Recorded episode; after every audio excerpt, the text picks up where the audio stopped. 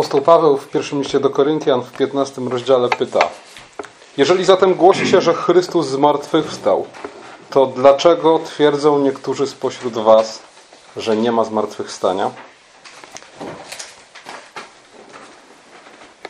Kim są ci niektórzy? O kim pisze apostoł Paweł? Z kontekstu wynika, że są to ludzie, którzy mieli problem nie ze zmartwychwstaniem Chrystusa. W zmartwychwstanie Chrystusa w ten czy w inny sposób wierzyli. Paweł argumentuje, wychodząc od zmartwychwstania Chrystusa jako faktu zaakceptowanego przez tych niektórych, mówiąc im: Słuchajcie, jeśli wierzycie w zmartwychwstanie Chrystusa, powinniście wierzyć również w powszechne zmartwychwstanie, bo jedno bez drugiego nie ma sensu.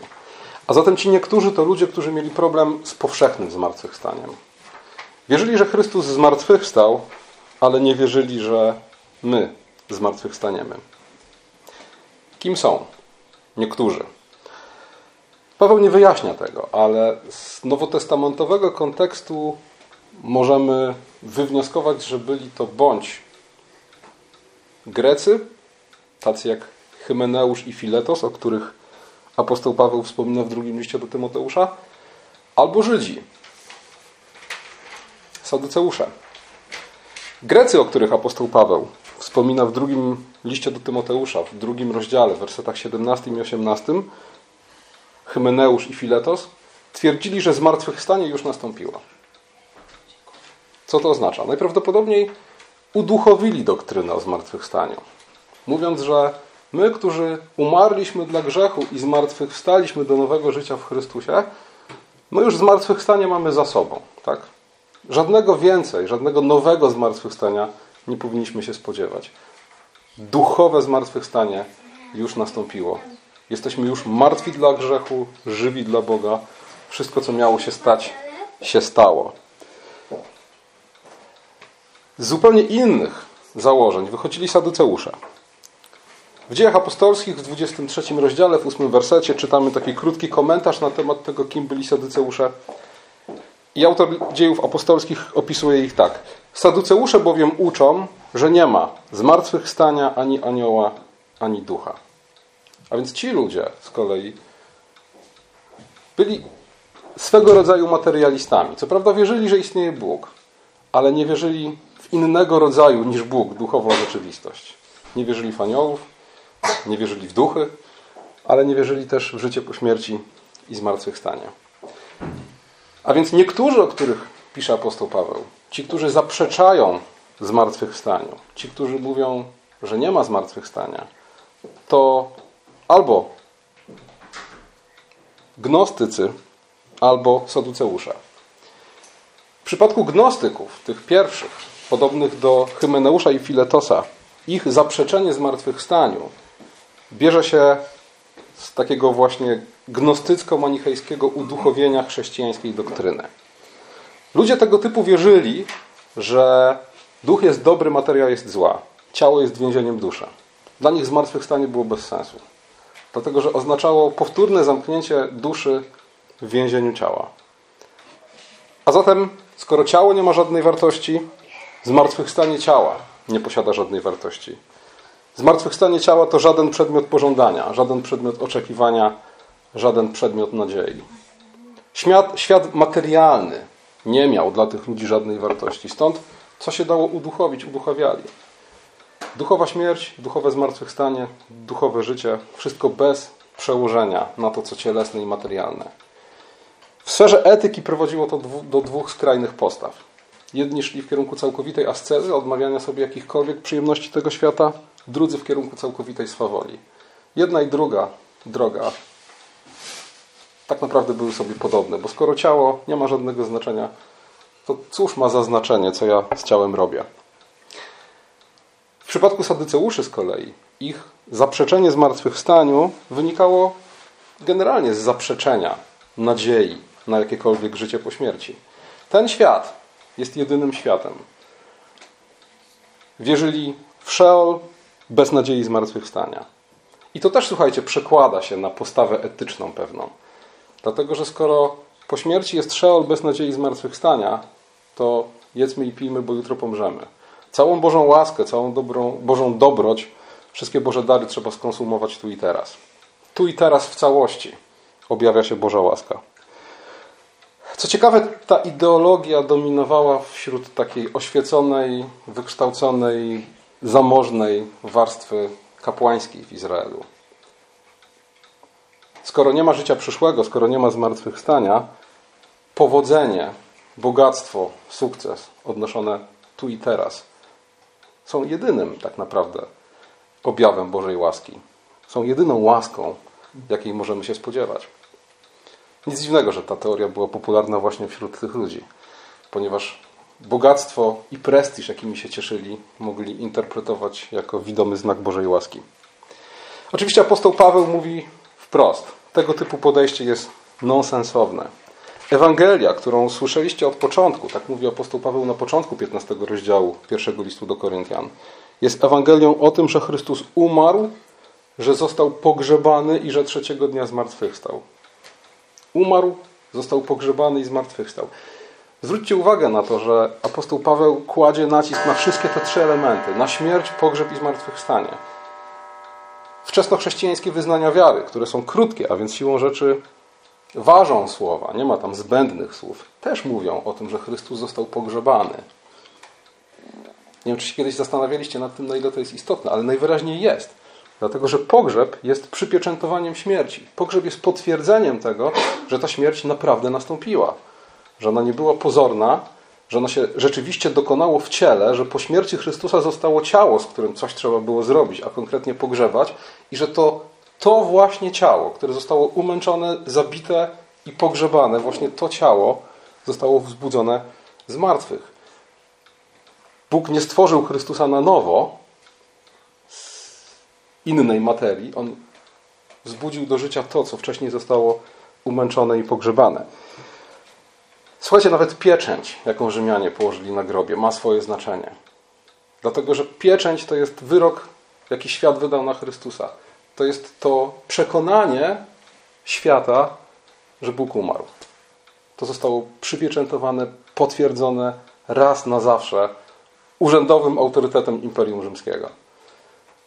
Ta pieczęć tylko dodaje e, chwały Chrystusowemu zmartwychwstaniu, ponieważ pokazuje, że Bóg nie tylko kruszy kamień, którym grób został zamknięty, ale też odwraca wszystkie ludzkie wyroki, chociaż byłyby wydane przez najpotężniejsze ludzkie władze. A zatem apostoł Paweł mówi: Słuchajcie, Ewangelia, którą wam zwiastowałem, to jest Ewangelia o tym, że Chrystus umarł, został pogrzebany i zmartwychwstał. Wierzycie w to. Ale skoro w to wierzycie, to dlaczego mówicie, że nie ma zmartwychwstania? Dlaczego mówicie, że umarli nie zmartwychwstają? Zmartwychwstanie Chrystusa i powszechne zmartwychwstanie wszystkich zmarłych w ciele to są dwie strony tego samego medalu. Chrystus, y, apostoł Paweł mówi, jeśli Chrystus nie zmartwychwstał, daremne jest nasze nauczanie, próżna nasza wiara, byliśmy fałszywymi prorokami. Jeśli umarli nie zmartwychwstają, to Chrystus nie zmartwychwstał. A jeśli Chrystus nie zmartwychwstał, wasza wiara jest daremna i aż dotąd pozostajecie w swoich grzechach. 15 rozdziale, w 22 wersecie apostoł Paweł nawiązuje do obrazu który używa również w liście do Rzymian, a więc do porównania Adama i Chrystusa. Wierzycie, że wszyscy w Adamie umierają? Jeśli w to wierzycie, to uwierzcie, że wszyscy w Chrystusie będą ożywieni. Skoro wierzycie, że w, Chryst w Adamie wszyscy odziedziczyli grzech i upadek, uwierzcie w to, że w Chrystusie wszyscy dziedziczą życie. To jest jeden z argumentów, którego Paweł używa. A więc jeśli wierzycie, że Chrystus zmartwychwstał, jeśli wierzycie, że był historyczny Adam, w którym wszyscy umieramy, to nie możecie odrzucić wiary w to, że w Chrystusie wszyscy zmartwychwstaniemy, bo to są elementy tej samej układanki. Co więcej, apostoł Paweł mówi: Wierzycie, że Chrystus pokonał wrogów i że wszystko ma zostać złożone pod jego stopy? Skoro tak, to pamiętajcie o tym, że jako ostatni wróg zostanie pokonana śmierć. Wszystko bowiem rzucił pod stopy jego. Jeśli śmierć ma być rzucona pod stopy Chrystusa, to jak możecie mówić, że nie ma zmartwychwstania? Dalej, Tym, którzy zapewne upraszczali ideę zmartwychwstania, myśląc, że zmartwychwstanie będzie polegało na tym, że wrócimy do tych samych ciał, w których żyliśmy przed śmiercią. Apostoł Paweł mówi: Podobnie rzecz ma się ze zmartwychwstaniem. Zasiewa się zniszczalne, powstaje niezniszczalne. Sieje się chwalebne, sieje się niechwalebne, powstaje chwalebne. A więc apostoł Paweł mówi: Uwierzcie w zmartwychwstanie i pamiętajcie, że jest ono czymś więcej niż przywróceniem do życia. Jest odwróceniem wyroków śmierci i jest przemianą tego, co było niechwalebne, w to, co chwalebne. Wnioski, do których prowadzi apostoł Paweł, są proste. Jeżeli nie ma powszechnego zmartwychwstania, to znaczy, że Chrystus nie zmartwychwstał. Jedno bez drugiego nie ma sensu. Co więcej, wiara w jedno i drugie opiera się na tym samym świadectwie pisma. Więc jeśli odrzucimy świadectwo pisma na temat powszechnego zmartwychwstania, to dlaczego przyjmujemy świadectwo pisma, które mówi o zmartwychwstaniu Chrystusa? Dalej. Jeśli Chrystus nie zmartwychwstał, śmierć nie została pokonana. Grzech nie został pokonany. A to znaczy, że dalej tkwimy w grzechu, dalej tkwimy w śmierci. A to znaczy, że daremna jest nasza wiara i daremne nasze zwiastowanie. I wreszcie apostoł Paweł prowadzi nas do chyba najmocniejszego sformułowania w tym fragmencie. Jeżeli Chrystus nie zmartwychwstał, jeżeli umarli nie zmartwychwstają, jeżeli tylko w tym życiu nadzieję pokładamy w Chrystusie. I to wydaje się być jednak aluzja do tego bardziej saducejskiego niż gnostyckiego myślenia. Jeżeli tylko w tym życiu pokładasz nadzieję w Chrystusie, jesteś najbardziej z wszystkich ludzi pożałowania godzien. Dlaczego o tym wszystkim dzisiaj mówię? Nie po to, żeby Was przestrzegać przed dwoma zapomnianymi starożytnymi herezjami. Raczej, żeby przestrzec nas wszystkich przed dwoma całkiem współczesnymi postawami, przyjmowanymi przez ludzi, którzy deklarują wiarę w powszechne cielesne zmartwychwstanie, ale którzy w swoim sposobie myślenia często bardziej przypominają bądź to saduceuszy, bądź gnostyków, niż wierzących w cielesne zmartwychwstanie chrześcijan. Pierwsza, ta saducejska postawa, mówi, że a właściwie nie mówi, okazuje, że interesuje nas ten świat. Często chrześcijanie są skupieni, całą swoją uwagę skupiają na tym, żeby tu na tym świecie dobrze się urządzić. Wszystkie nasze życiowe decyzje, od najpoważniejszych po najprostsze, podejmujemy bez pytania o kontekst wieczności. O to, jakie ta decyzja, którą teraz właśnie chcę podjąć, ma znaczenie dla Królestwa Bożego. Czy Bóg jest obecny w moim życiu? Oczywiście. Rozpoznaję, że Jemu jestem winien wdzięczność za wszystko, co mam. Rozpoznaję, że przestrzeganie Jego przykazań jest receptą na dobre życie, udane małżeństwo, wychowanie dzieci, sukces w biznesie. Bóg jest moją pociechą. Kościół jest moją grupą wsparcia, wtedy, kiedy tego wsparcia potrzebuję. Oczywiście wierzę w zmartwychwstanie i życie wieczne, ale nie jest ono odczuwalnym na co dzień przedmiotem mojej nadziei. Nie życie wieczne, nie zmartwychwstanie zaprząta moją głowę. Bóg jest rozwiązaniem moich aktualnych problemów, tych, które mam tu i teraz. Kościół zaspokaja moje aktualne potrzeby emocjonalne i społeczne. Wieczność jest tylko odległą perspektywą, która nie jest realnie obecna w moim życiu. I słuchajcie, taka postawa może wynikać z, z, jakiegoś sukcesu, tak jak w przypadku saduceuszów, prawda? Jesteśmy wykształceni, zamożni, obdarzeni prestiżem. Odczytujemy to jako przejaw Bożej życzliwości, Bożej łaski, tym się cieszymy i to nam wystarcza. Nie potrzebujemy nadziei życia wiecznego. Bóg i Jego łaska towarzyszą nam każdego dnia. Ale słuchajcie, ta sama postawa może z kolei wynikać z, wręcz odwrotnie, z problemów, w których ugrzęźliśmy. I tutaj szukamy Boga jako rozwiązania konkretnych dzisiejszych problemów i Kościoła jako grupy wsparcia w rozwiązaniu tych problemów. W jednym i w drugim przypadku, w przypadku sukcesu i w przypadku porażki, wieczność może stać się odległą perspektywą. Zmartwychwstanie i życie wieczne może stać się pustym frazesem.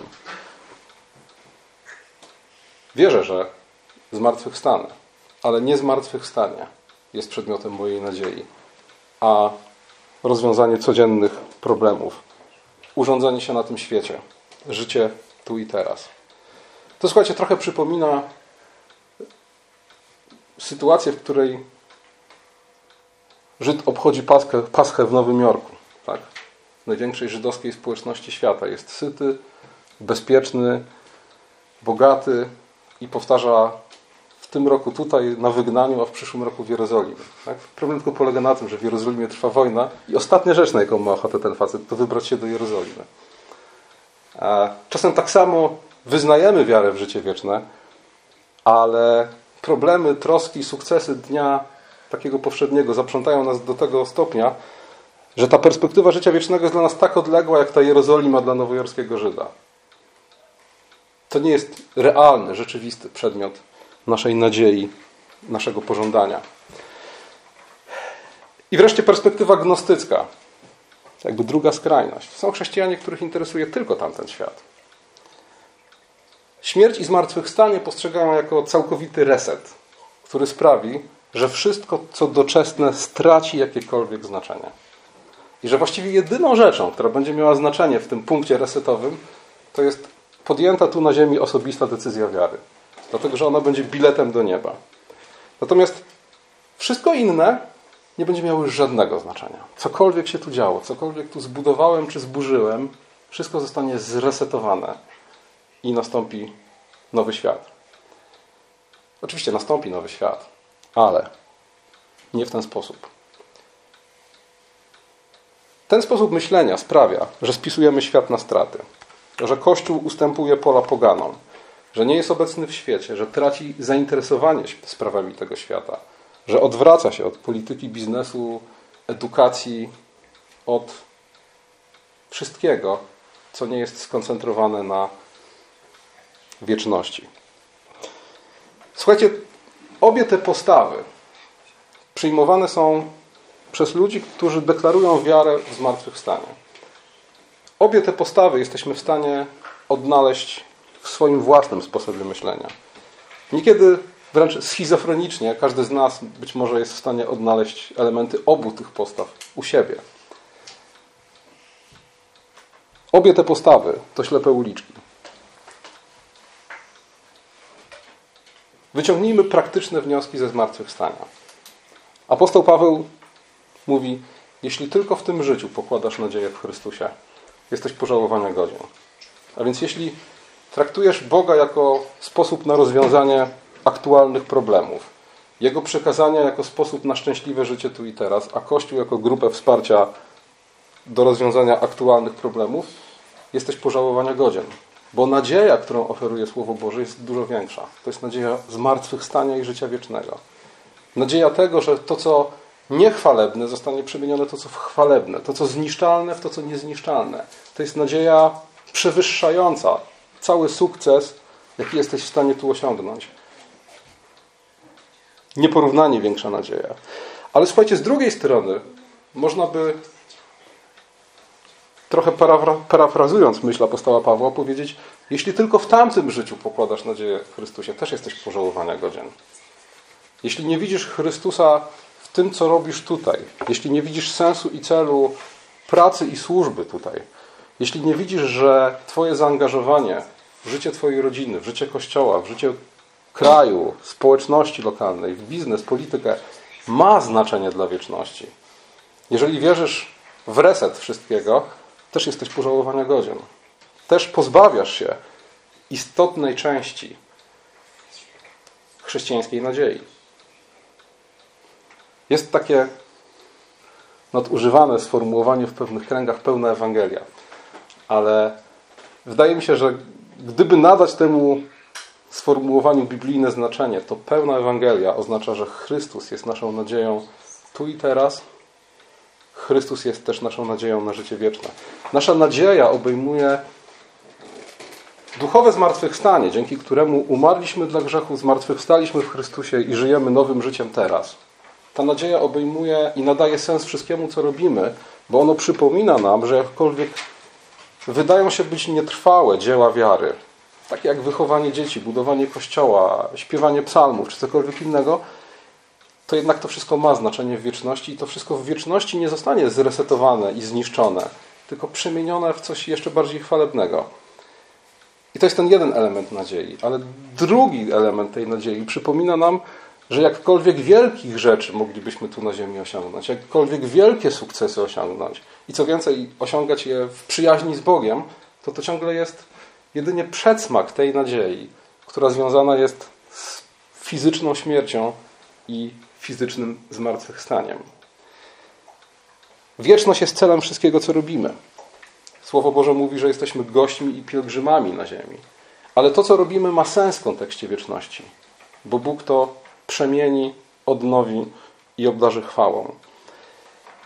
Apostoł Piotr w jednym ze swoich kazań w dziejach apostolskich mówi o tym, że celem Bożego planu jest odnowienie wszech rzeczy, które się dokona w Chrystusie. I co więcej, to odnowienie wszech rzeczy nie odbędzie się na zasadzie resetu. To nie jest tak, że rzeczy będą sobie trwały, takie jakie są stare i pewnego dnia przyjdzie Chrystus i wszystko odnowi. Tu raczej apostoł Piotr mówi o tym, że niebo musi zatrzymać Chrystusa, który wstąpił do nieba, aż do czasu, kiedy nastąpi to odnowienie. A więc odnowienie wszystkiego w Chrystusie trwa. Przyjście Chrystusa będzie tym przypieczętowaniem całego procesu. Z tego też powodu, kiedy apostoł Paweł e, cytuje tutaj Psalm 110 i cytuje go również autor listu do Hebrajczyków, ten fragment, który mówi o poddawaniu wszystkiego pod stopy Chrystusa, to widzimy, że to poddawanie wszystkiego pod stopy Chrystusa nie dokonuje się w jednym momencie. Ono już trwa. Chrystus, jak poucza nas list do Hebrajczyków, wstąpiwszy do nieba, zasiadł po prawicy Ojca, oczekując teraz, aż jego nieprzyjaciele zostaną położeni pod stopy Jego. Nasza służba jako służba Kościoła, nasza praca jako chrześcijan na świecie, to nic innego jak poddawanie wszystkiego pod stopy Chrystusa. Dzień po dniu, krok po kroku, tak aby ten obszar Jego panowania w ludzkich sercach, strukturach społecznych, gdziekolwiek, aby on się poszerzał. Moment, w którym śmierć zostanie poddana pod stopy Jego, to jest uwieńczenie tego procesu. To jest ten moment, w którym Bóg najpierw rękoma Kościoła odnowi świat, a potem własnymi rękoma w momencie swojego chwalebnego przyjścia i zmartwychwstania ciał śmierć położy jako ostatniego wroga. Takiego sformułowania używa apostoł Paweł, że to jest ten ostatni wrog. Kiedy już wszyscy inni zostaną pokonani, wtedy przyjdzie czas na to, aby Chrystus osobiście tego ostatniego wroga położył pod swoje stopy. Wtedy wszystko zostanie w nim odnowione. Wtedy nasze śmiertelne ciała zostaną przemienione na podobieństwo Jego zmartwychwstałego ciała. I to jest, słuchajcie, przesłanie tej Pawłowej nauki o powszechnym zmartwychwstaniu. Jeśli Chrystus zmartwychwstał, my również zmartwychwstaniemy. A jeśli my zmartwychwstaniemy, to wyciągnijmy z tego praktyczne wnioski. Nasza nadzieja, nadzieja zmartwychwstania jest nadzieją, jest nadzieją tego życia, i życia po śmierci. Jest wiarą w to, że już teraz żyjemy zmartwychwstałym życiem, bo umarliśmy z Chrystusem w duchowy sposób i w duchowy sposób powstaliśmy do nowego życia. I teraz możemy wykonywać dzieła wiary, które nie zginą, ale zostaną przemienione. Ale robimy to wszystko w perspektywie tej wieczności, która otworzy się dla nas w dniu zmartwychwstania ciał. Dlatego i w życiu, i w śmierci naszą nadzieją jest Chrystus. I dlatego chciałbym zakończyć słowami, psa, słowami katechizmu heidelberskiego. Być może pamiętacie, jak zaczyna się, od jakich słów zaczyna się katechizm heidelberski. I to jest kwintesencja tego wszystkiego, o czym dzisiaj mówiłem. W czym znajdujesz jedyną pociechę w życiu i wobec śmierci? W tym, że ciałem i duszą należę zarówno teraz, gdy żyję, jak i wtedy, gdy umrę, nie do siebie, ale do Jezusa Chrystusa, mego wiernego Zbawiciela. I to jest pełna Ewangelia ciałem i duszą, tu i teraz i w przyszłości. Nie do siebie samego, ale do Jezusa Chrystusa. Amen.